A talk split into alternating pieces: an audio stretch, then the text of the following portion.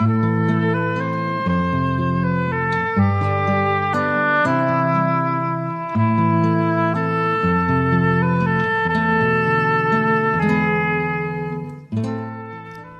weer eens by Kortom. Ons het vroeër vanaand geluister na Karel Trigard en ons gaan nou luister na sy vrou, Petro Wessels. Petro gaan vir ons in Kortom 'n verhaal lees van J.M. Gilfillan met die titel Agtermiddag van 'n kind. Lekker luister.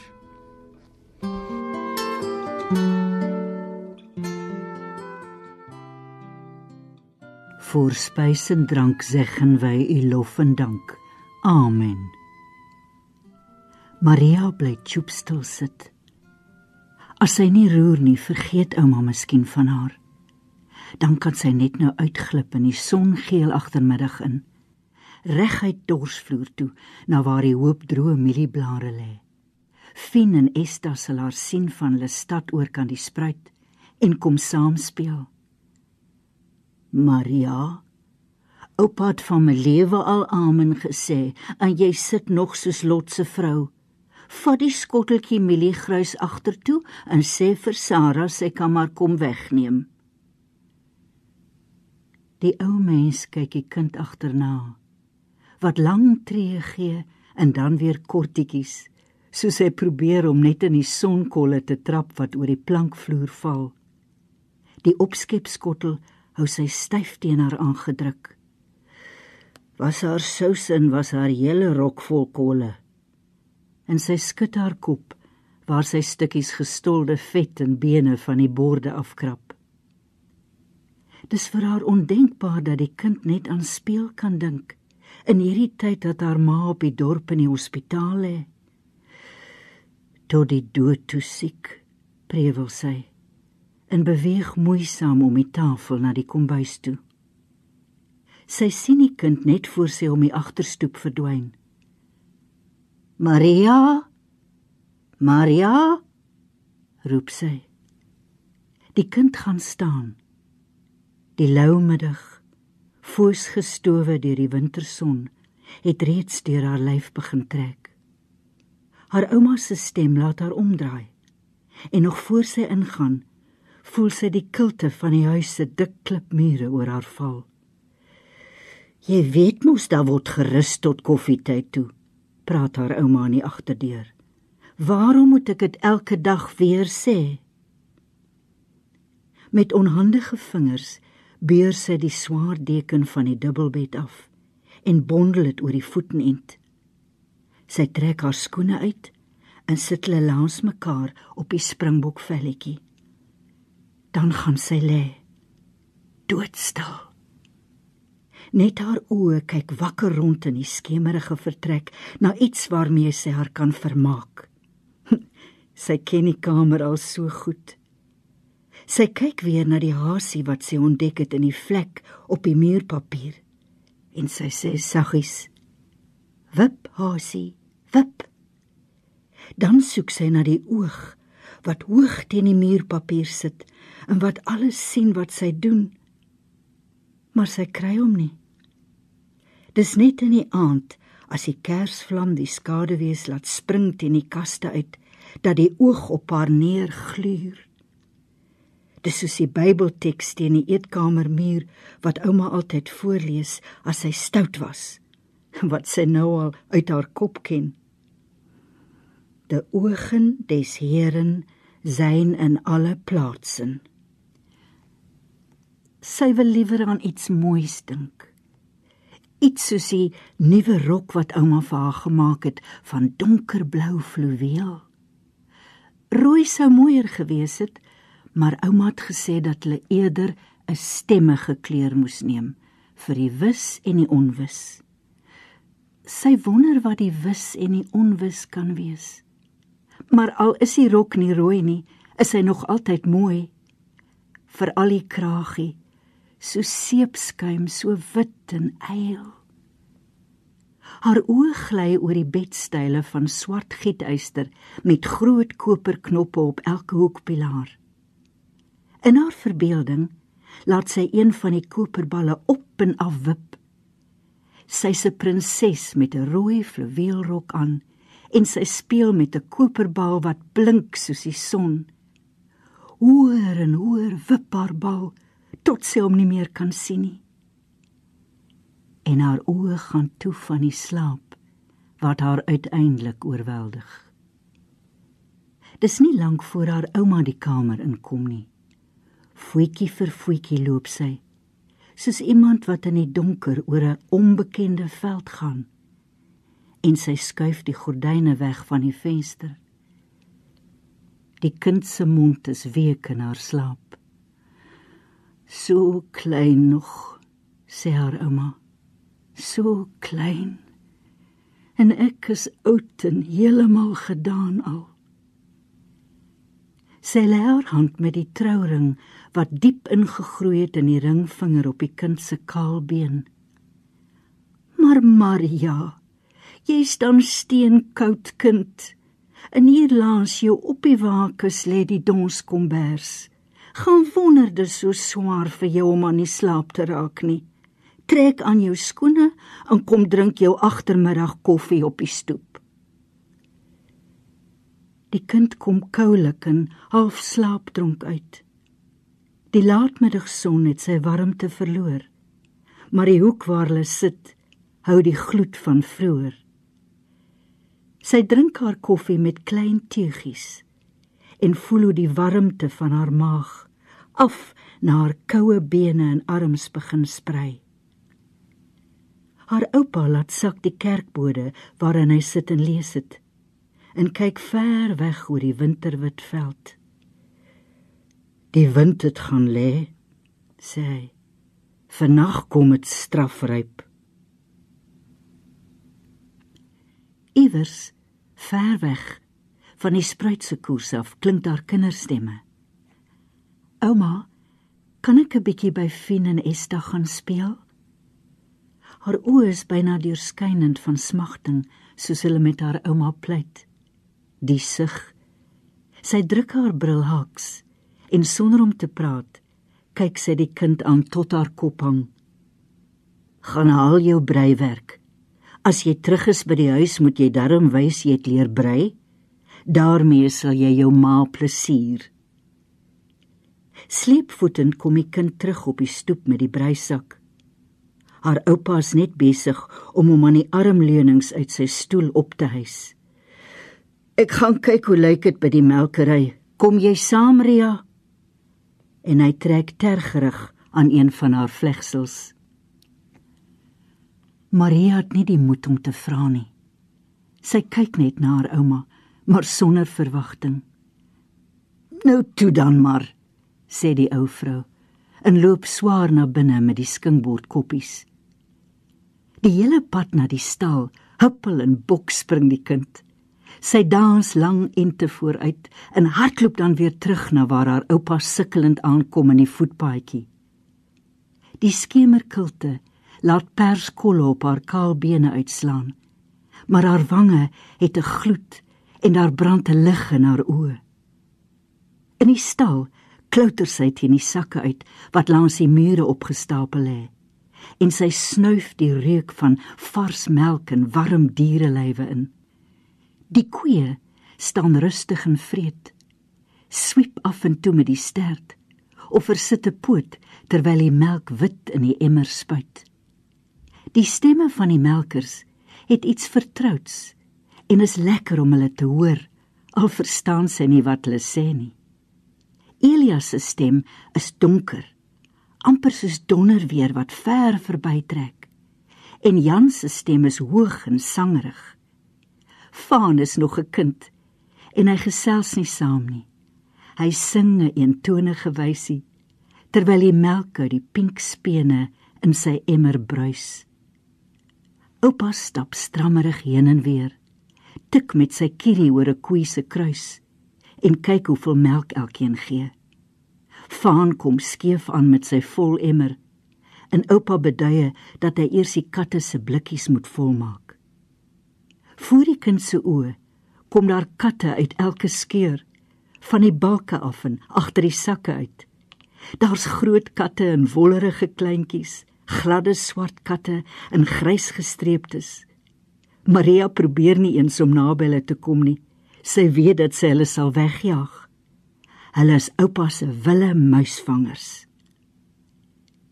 Toe hulle na die huis toe aankom, roep ouma aan die agterdeur dat sy moet kom was en sy skiet weg uit die sekerheid van die lantern se ligkol dwars oor die donker werf tot waar die kers op die kombuistafel brand. Esther het klaar die wasskottel vol warm water geskep en sy wag dat die kind eers haar gesig en hande afvee.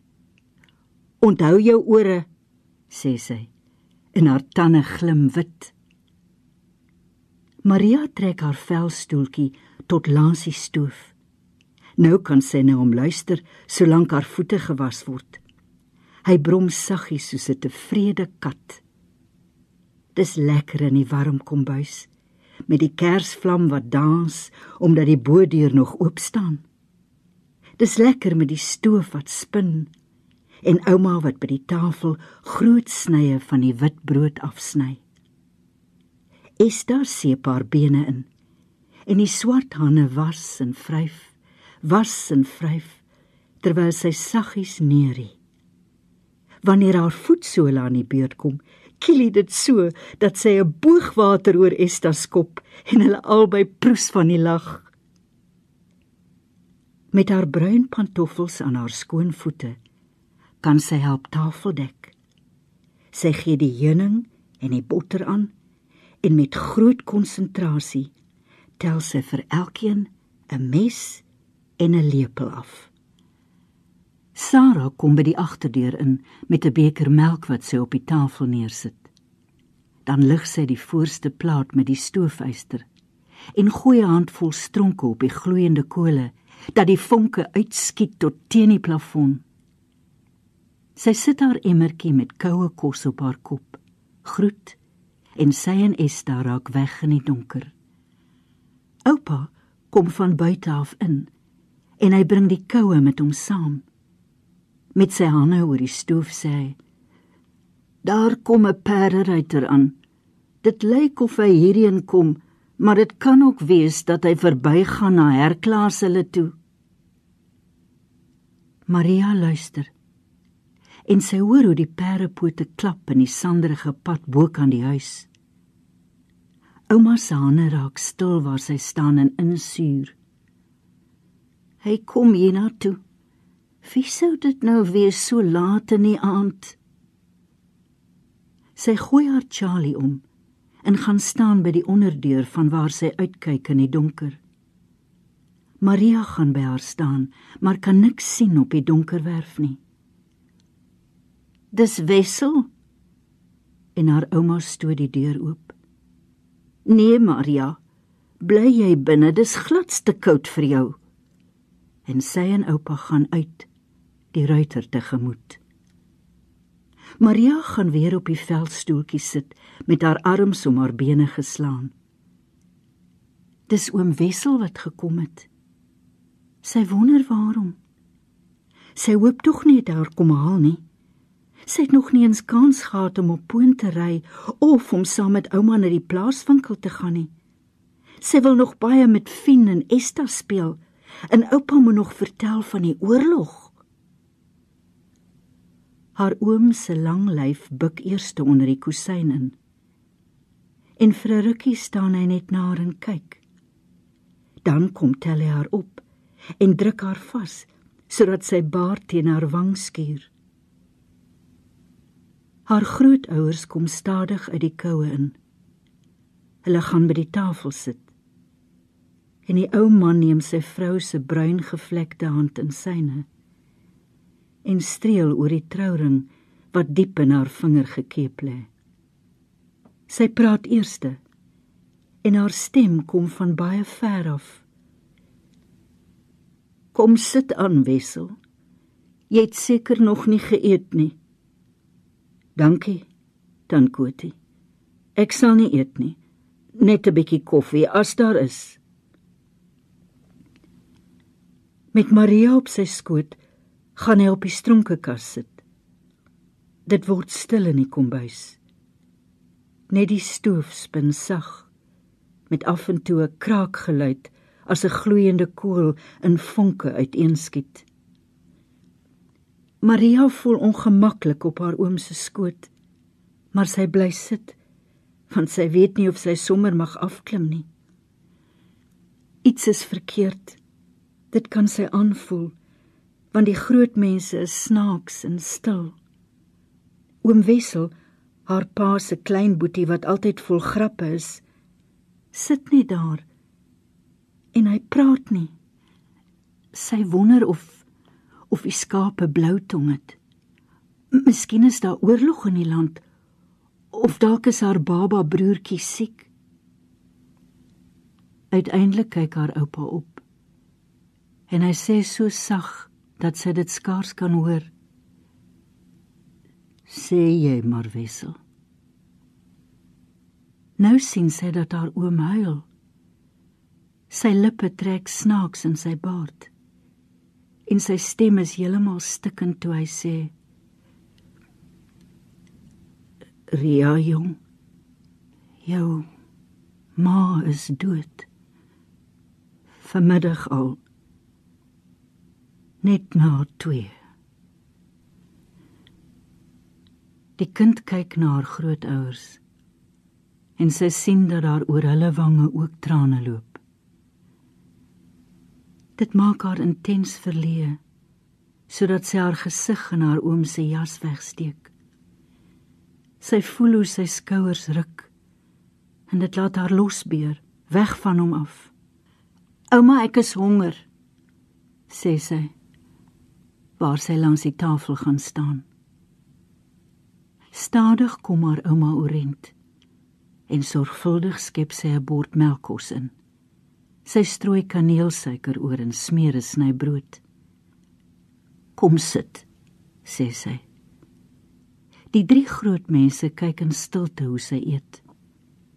Toe sy eindelik haar lepel neersit, sê haar oupa: Laat ons lees. Sy gaan haal die Bybel en gesangboek en kom sit dan weer. Sy hoor nie wat haar oupa lees nie. En onder die gebed knik haar kop teen haar bors vas. Sodat sy half verdwaas wakker ruk en vaskyk teen haar oom se gesig wat vreemd geword het met die traanstrepe wat afloop in sy baard. Met 'n hoë, dor stem sit haar ouma die psalm in. Uit dieptes van elenden roep ek met mond en hart. Haar oupa val in, sag en onseker. Tot u die heil kunt zenden, o Heer, aanschouw mijn smart. Oom Wessel sing nie. Hy sit met sy hand voor sy oë terwyl sy skouers aanhou ruk. Die kind kyk verwonderd van die een na die ander. Wil naar myn smeekstem horen, merk op myn jammer klagt. Sing haar ouma en oupa voluit en die melankoliese wysie maak die hele kombuis vol sodat 'n onuitspreeklike weemoed oor die kind kom lê. Sy begin hardop huil, klaaglik en droef en sonder dat sy mooi weet waarom.